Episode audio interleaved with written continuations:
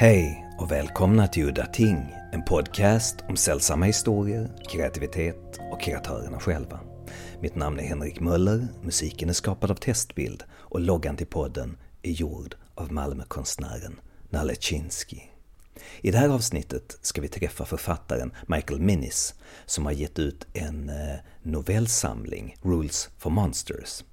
Men Michael Minnis, han har skrivit Cthulhu-noveller sedan 90-talet. Och det är egentligen först nu med samlingen då Rules for Monsters, volym 1, med en kommande volym 2 nu till juli 2021, som jag upptäckte honom.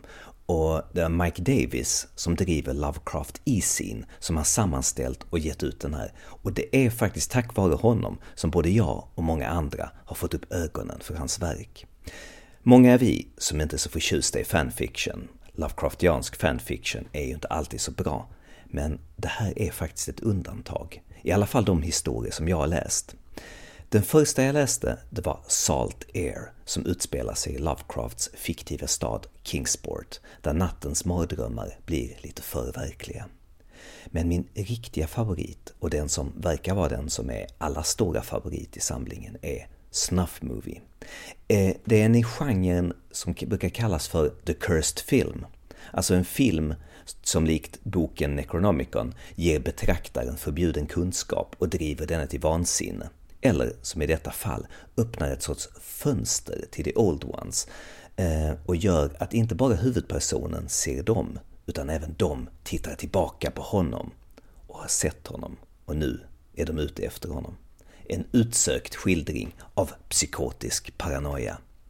För er som är sugna på att provläsa utan att köpa grisen i säcken så kan ni gå direkt in på Amazon och läsa de tre första novellerna i Rules for Monsters och däribland i den andra i ordningen är faktiskt Snuff Movie, så mitt råd är att gå in och läsa den direkt, faktiskt om ni vill, redan nu innan ni lyssnar på resten av det här avsnittet. Men ni gör som ni vill. Nu ska vi träffa upphovsmannen och prata om hans idéer och inspirationskällor och den långa vägen till den här hitsamlingen, Rules for Monsters. If we can talk about Salt Air, the conception of that story, uh, the Lovecraftian elements, I must say it's very, very well researched. That from everything from the towns to the, the, the names of the characters, uh, Gamel, which is the professor in the Call of Cthulhu who gets the push and is killed by the sailor, and uh, also Gamwell. Uh, Gammell is from the name Gamwell, who was Lovecraft's uncle. Why did you decide on the uh, on Lovecraft's and uh, Robert Chamber references in the story? I have so many questions. Let's start. One thing is there's not much written about Kingsport, even by Lovecraft. I think you have the strange high house and I think the terrible old man are two that I know of. So I kind of wanted a moody gothic piece that wasn't as quite as overtly cosmically terrifying or horrible, a, a little more uh, melancholy. I know with Lovecraft, uh, humanity in many ways doesn't factor much in his stories. Uh, I guess there's very little written dialogue in most of his fiction. And uh, by and large, the protagonist is a reporter of events. Uh, and personally, you really know little or nothing about them. They're simply a uh, means to get the story to the reader in sort of a uh, documentary fashion. But I hew a little closer to uh, people and what they think and feel in that regard. And that's not saying it's a better approach, it's just different. And with uh, Salt Air, that's where I started kind of to cleave away from monsters, gods, cultists, evil tomes of knowledge. And uh, I think Salt Air, it did win honorary mention in, uh, I think it's what was the year's best short horror fiction by Ellen Datlow. So yeah, it won honorary mention, which I was proud of.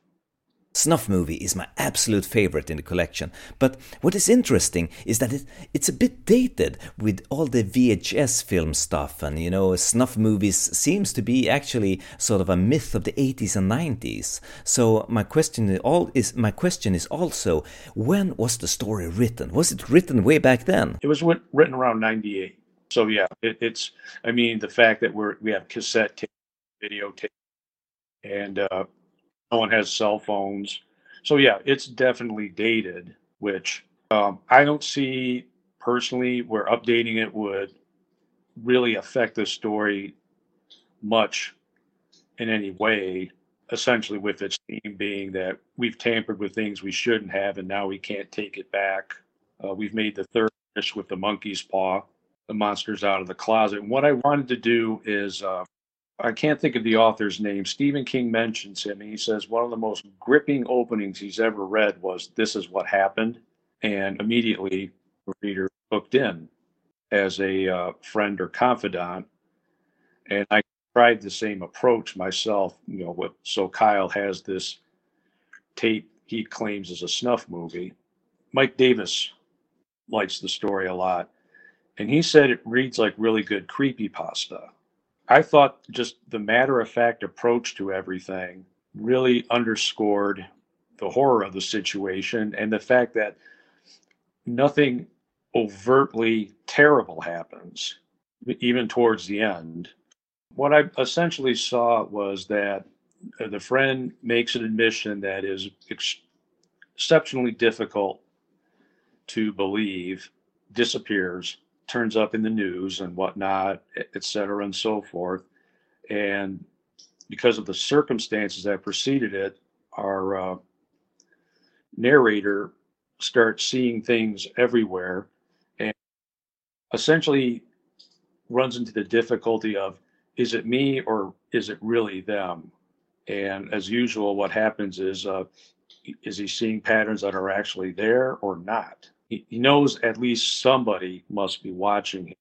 Creeping paranoia is a, a very effective thing in horror fiction. A lot of the time, it's not seeing what's beyond the door that is more terrifying than when we throw it open.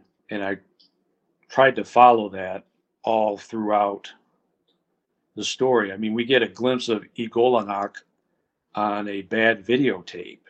And as the uh, narrator's walking home, he imagines uh, it must be out there somewhere. It's in the old cemetery. It's hiding out behind the gas station, but it's in the back of his mind.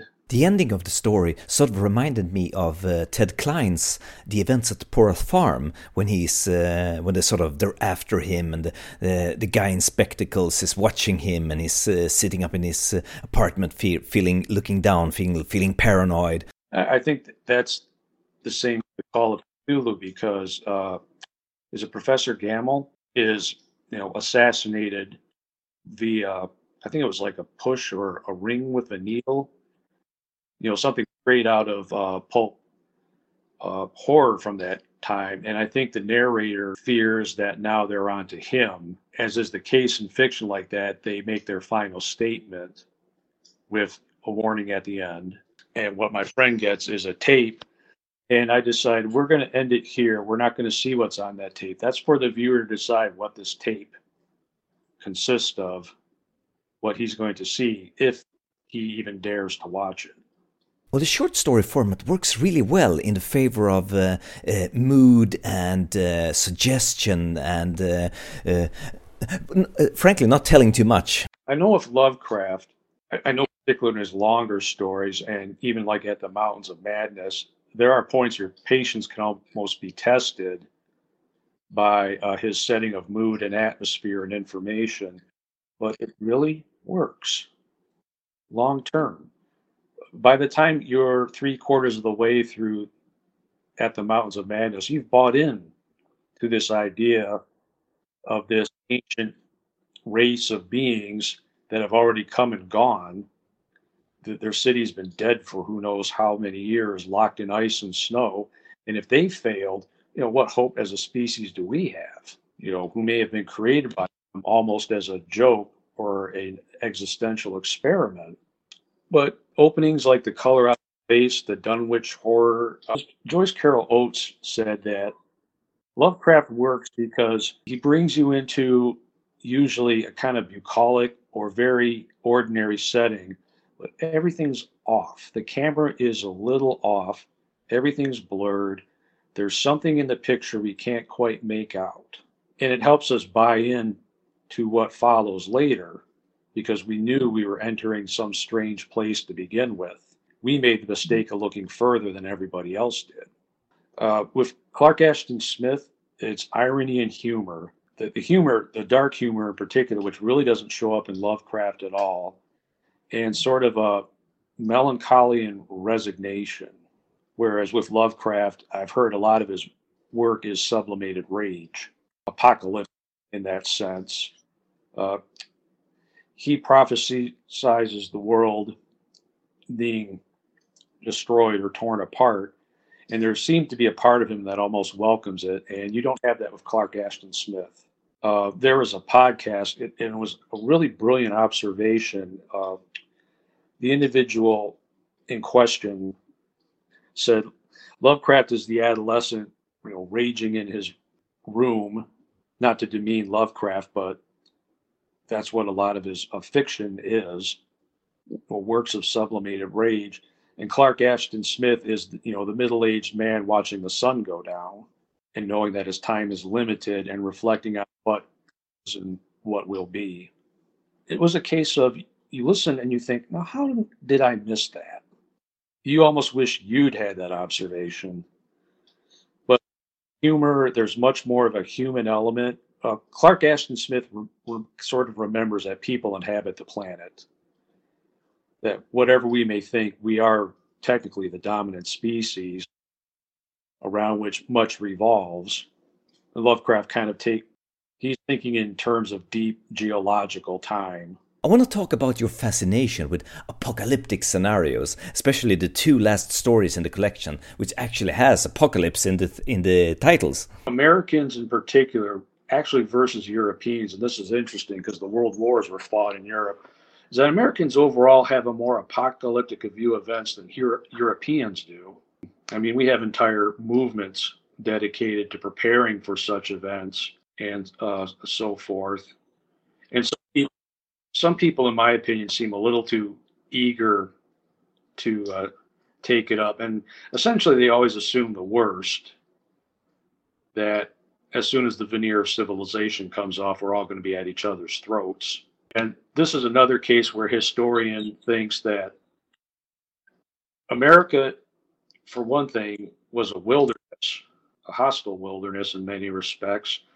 And we tend to have, uh, as he said, much more severe weather, severe geological events here, forest fires and tornadoes, blizzards, and he thinks it kind of lent a sense of the apocalypse to those early settlers. I don't know how, to me, that seems fairly plausible. It might explain the fact that uh, religion has deeper roots here, still to this day snuff movie uh, really seems to affect people. I think out of the early fiction, it's probably the best story, and it's I think the one that, like the Call of Cthulhu for Lovecraft, is the gateway to what I started writing let, later. I Walk the World's Black Rim. I would put just behind that. Norsemen, kind of versus the uh, inbred mutated deep ones and in doing so, they incur the wrath of one of the uh, large, one of the great deep ones. And it's kind of a uh, stab at sword and sorcery of cosmic horror. I know there's new ones that may not appear in the collection, they'll appear in the second volume. There was uh, Best of Luck Groucho, which uh, do you recall the uh, Great Clown Scare of 2015? With that, I kind of postulated an idea that at some point we may become so listless, divided, and incompetent that an apocalypse of evil clowns could overthrow us and bring about the demise of society. Into that, I threw the uh, idea of the uh, bunker the bunker in this case is under Arkham University. It was a project of one of the alumni after he heard President Kennedy in the 60s urging his fellow citizens to prepare for an apocalypse. And the bunker eventually was forgotten except by everybody except for this alumni's uh, descendants. And I did some a lot of research on bunkers from the era. We're talking the story set post 2020, and this bunker was probably built in the 60s or 70s. You know, cold, bare, very utilitarian, chalkboards, maps showing fallout according to uh, when and where strikes occur. There's a little mention of a kind of creepy television videos breaking in during a broadcast with a jester-like figure that I patterned somewhat after Nyarlathotep. Similar incidents when hackers would take control of TV stations and do something obscure or absurd and unnerve the U.S. population. That's kind of absurdist horror. And I can't help but notice the absurd in a lot of things. Kind of the way uh, Kafka takes note of the absurd. There's quite a big gap between, I would say, 2003 and 2018, 2019, when I resumed writing. There's a 15 year gap. One of the things is I started working the night shift. And two, I, th- I thought I'd hit a point where I don't really want to repeat myself, and that's why I experiment with different voices uh, and styles. I suppose it's inevitable, and I think a lot of the time readers are perfectly content with a uh, story similar to another, but delivers essentially what they like. It's kind of like having their favorite meal again. And I, I suppose some of that's inevitable. If you read Lovecraft, there's The Shadow Out of Time and At the Mountains of Madness and to me, The Shadow Out of Time is an inferior version of At the Mountains of Madness. I shouldn't say inferior, I should say it just doesn't have the impact. Would you expand on that? Because I don't really agree that uh, At the Mountains of Madness and The Shadow Out of Time is uh, sort of a similar story. I think they're very dissimilar, for me at least. We've discovered another ancient race. Instead of Antarctica, I think it's out in the deserts of Australia and we have a revelation again. Mainly, I think some of the differences are the great race of Yith are neutral, entirely neutral. You can even say that the uh, old ones in uh, at the Mount Madness were somewhat malign, but you know, at this point, I think too, if Lovecraft had lived longer than he did, it was it was a short life at 46 years but somewhat startlingly, that was the median lifespan at the turn of the century. I think he would have started moving into science fiction, and he probably would have moved beyond the Cthulhu mythos. And I think The Shadow Out of the Time was launch pad for that approach. I mean, there's some of his uh, familiar tropes in there, but the fact that the great race of Yith is not essentially cosmically evil is, is very important. But yeah, for me, at, at, at the Mountains of Madness is probably the most important piece of horror fiction written in the 20th century. If you have the pa- readers need to have the patience to get through uh, the expedition details, as I said, because by the time you're um, three quarters of the way in history, you've bought into everything. I do find that one, the paradigm shift, uh, I think, a huge impact on movies like The Thing and Alien. Ja, och med de orden så var det slut för den här gången. Mitt namn var Henrik Möller. Musiken var skapad av Testbild. Hej då!